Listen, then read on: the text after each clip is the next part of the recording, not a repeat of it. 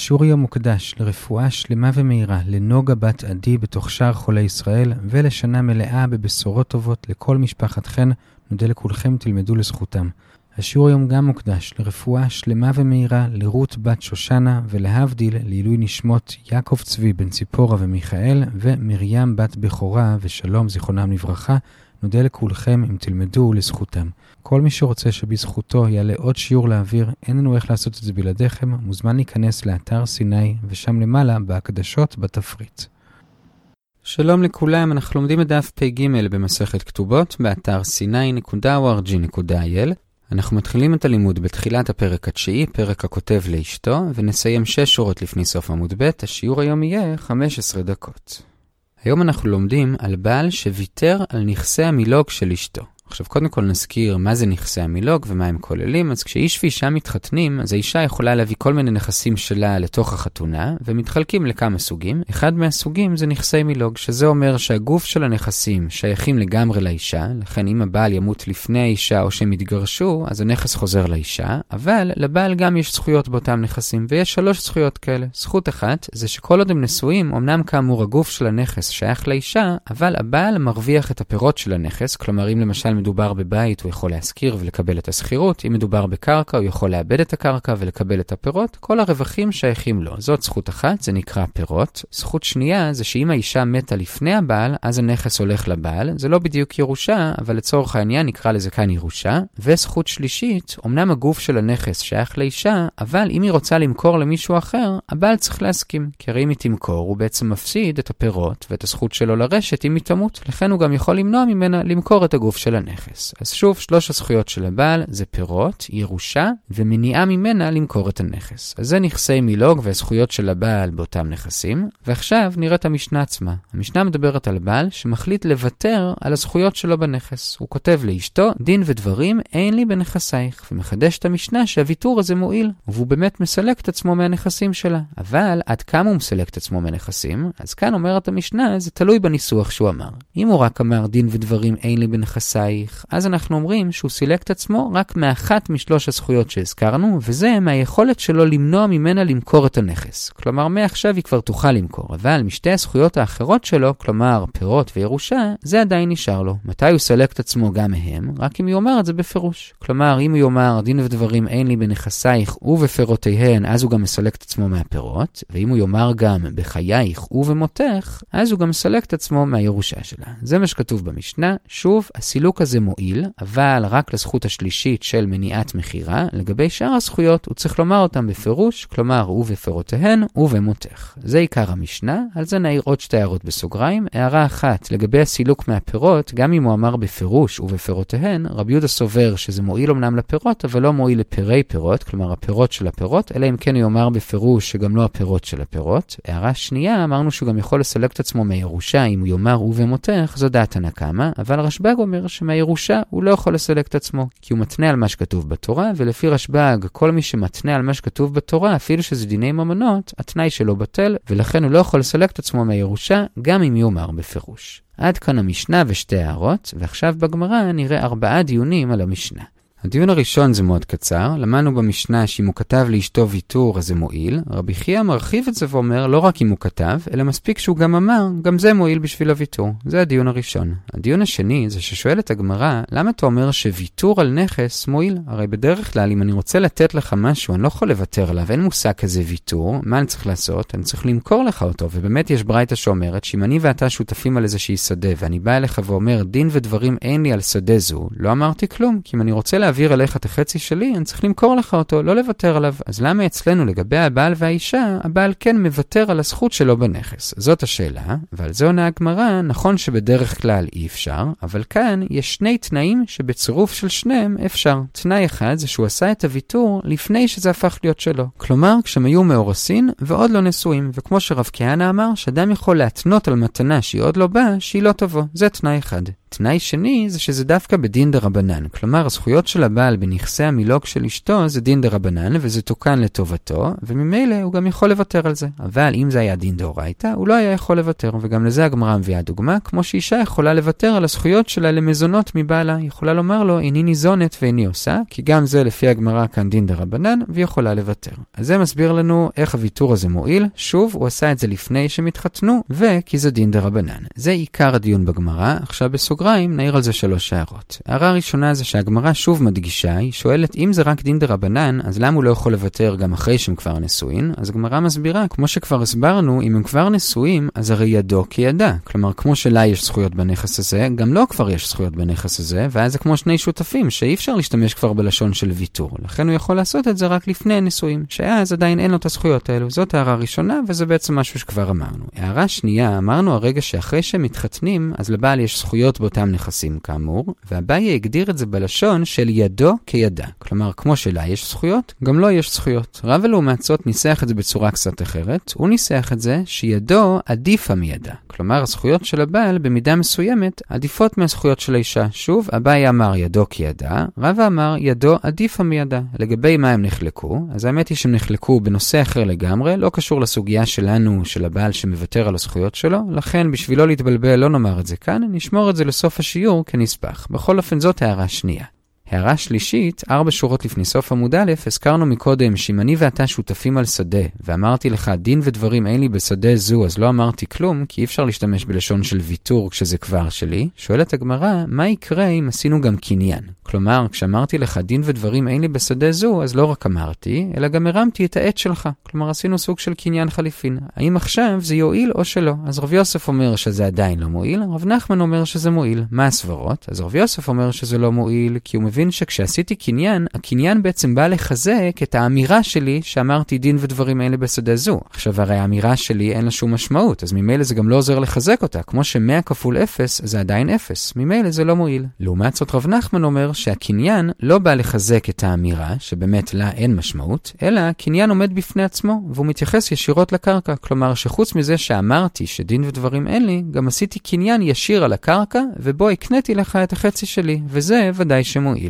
אז שוב, רב יוסף אומר שזה לא מועיל כי הוא מבין שהקניין יתייחס לאמירה, רב נחמן אומר שזה כן מועיל, כי הוא מניח שהקניין יתייחס לשדה ולא לאמירה. עכשיו, מה ההלכה? אז גם אביי וגם המימר פוסקים כמו רב נחמן שזה כן מועיל, אביי רק מביא לזה הגבלה מסוימת, הוא אומר, אם לפני שאמרתי לך דין ודברים, כלומר נניח לפני שבוע באתי אליך וטענתי לך שגם החצי שלך שייך לי, ואז אחרי שבוע באתי לך ואמרתי דין ודברים אין לי בשדה זו, ועשינו קניין, אז אפשר להניח שבאמת לא התכוונתי להקנות לך את החצי שלי, אלא רק רציתי להגיד לך, אני כבר לא תובע אותך על החצי שלך, ואז אתה לא תוכל להוציא ממני את החצי שלי, אבל זה רק במקרה המסוים הזה, שלפני שבוע ערערתי על החצי שלך. אבל סתם ככה כאמור, אם אמרתי לך דין ודברים אין לי ועשיתי קניין, אז החצי שלי יהפוך להיות החצי שלך. זה הבעיה. המימר כאמור גם פוסק ככה, שזה כן מועיל כשעשינו קניין, והוא לא סובר את החלוקה שהבעיה אמר, אם לפני שבוע ערערתי או לא ערערתי, זה לא משנה, זה תמיד מועיל. עד כאן הערה שלישית, ובזה הגענו לשורה השישית בעמוד ב', וסיימנו את הדיון השני. אני שוב מזכיר, בדיון השני שאלנו למה זה כן מועיל, הרי בברייתא לגבי שני שותפים ראינו שזה לא מועיל, וענינו בקצרה שכאן זה מועיל כי הוא עשה את זה כשהם עדיין יהיו מאורסין ולא נשואין, וכי כאן זה דין דה רבנן. זה היה הדיון השני.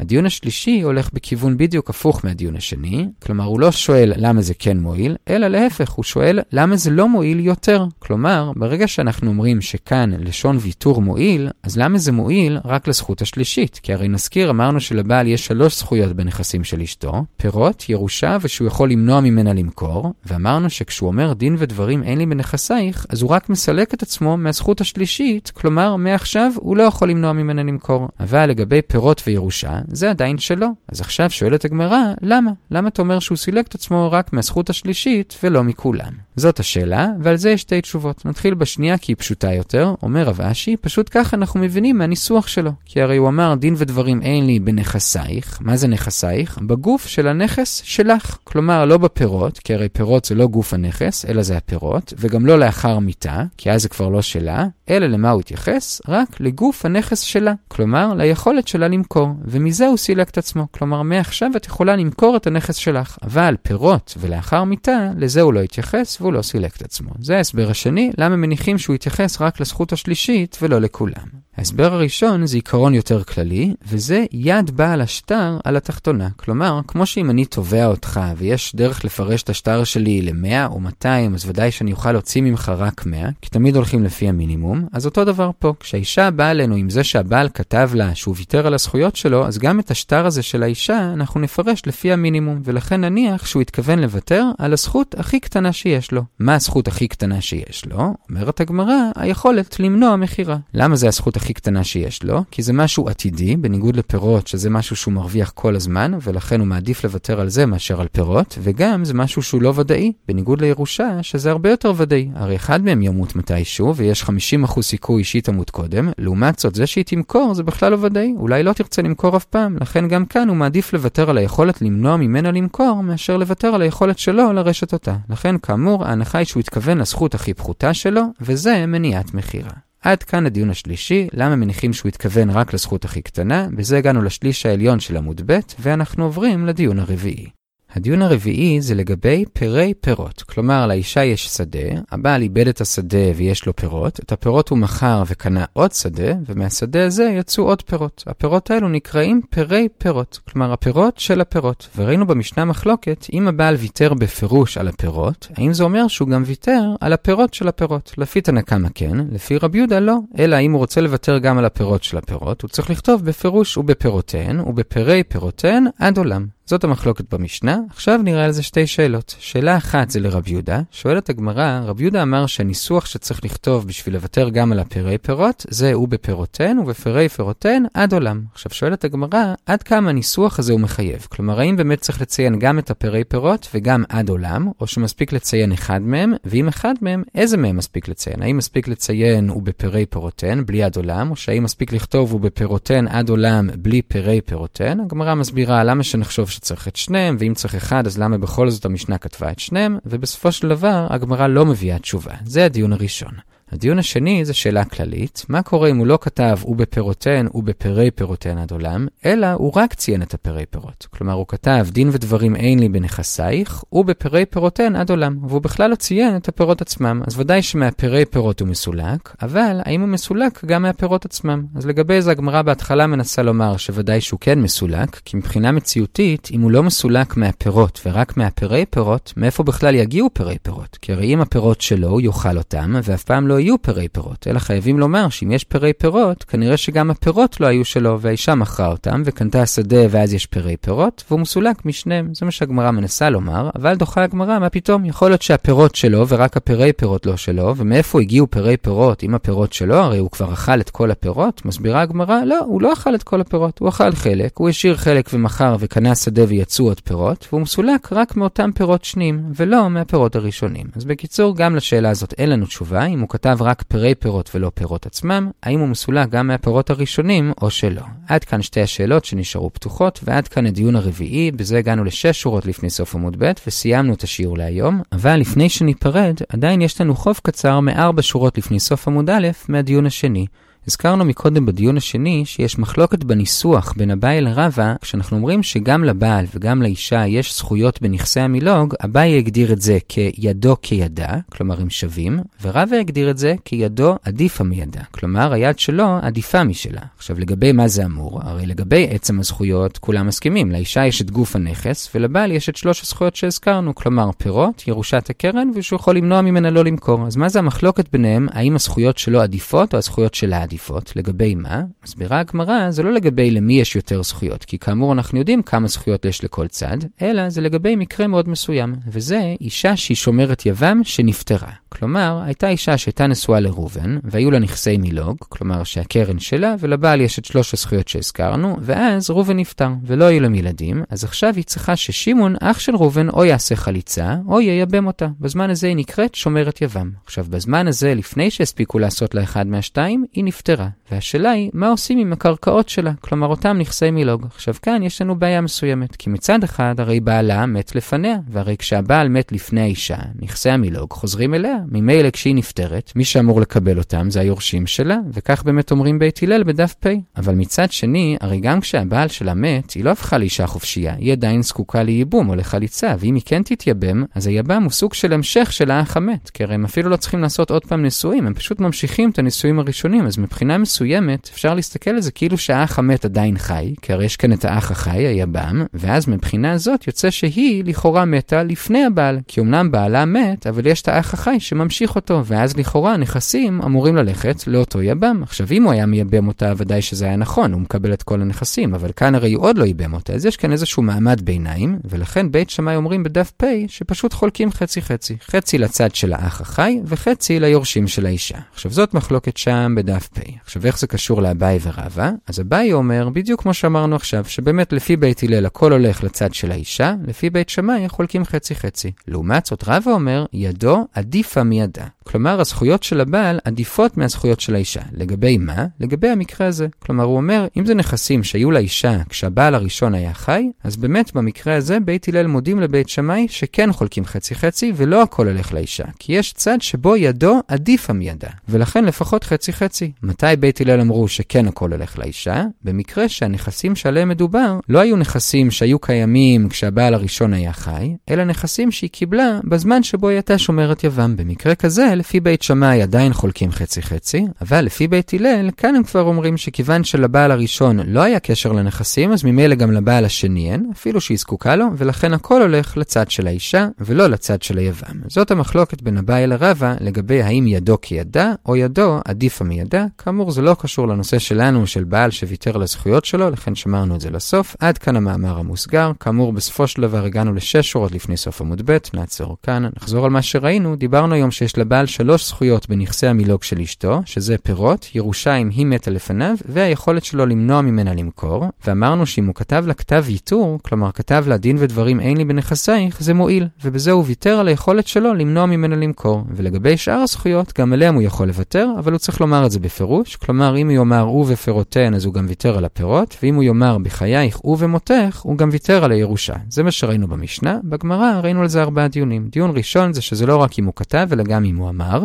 דיון שני זה שהגמרא שאלה למה ויתור מועיל, הרי בשני שותפים שאחד מוותר על החצי שלו אז לא אמר כלום, אז למה כאן זה מועיל? ענינו כי כאן יש שני תנאים, תנאי אחד הוא עשה את זה כשהם היו מאורסים, לפני החתונה, ואפשר לוותר על משהו לפני שהוא הגיע. תנאי שני זה דווקא בדין דרבנן. זה היה הדיון השני, בסוגריים הערנו על זה שלוש הערות, הערה אחת הדגשנו שזה דווקא כשהם עוד לא היו נשואים, אבל כשהם נשואים אז כבר ידו כידה והוא כבר לא יכול לוותר.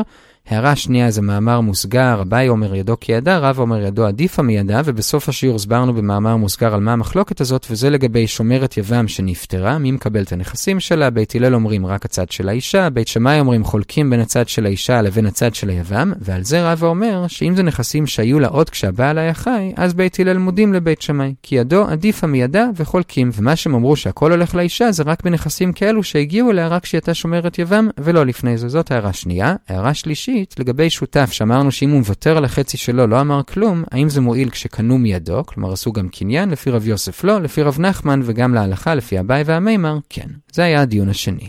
בדיון השלישי שאלנו למה הוויתור רק מועיל, הזכות השלישית של היכולת שלו למנוע ממנה למכור, למה לא גם לשתי הזכויות האחרות? אז על זה ראינו שתי תשובות. התשובה השנייה הייתה כי כך פשוט מדויק מהניסוח שלו, כי הוא אמר דין ודברים אין לי בנכסייך, משמע בנכסייך ולא בפירותיהן ולא לאחר מיתה, כלומר ירושה. תשובה ראשונה זה שפשוט תמיד אנחנו מפרשים את השטר למינימום, כי יד בעל השטר, במקרה הזה האישה, על התחתונה. ולכן מפרשים שהוא התכוון לזכות הכי קטנה, שזה היכולת למנוע מכירה, כי גם זה רק עתידי, בניגוד לפירות שזה עכשיו, וגם זה לא ודאי. בניגוד לירושה, שזה הרבה יותר ודאי, יש 50% סיכוי שהיא תמות לפניו. זה היה הדיון השלישי.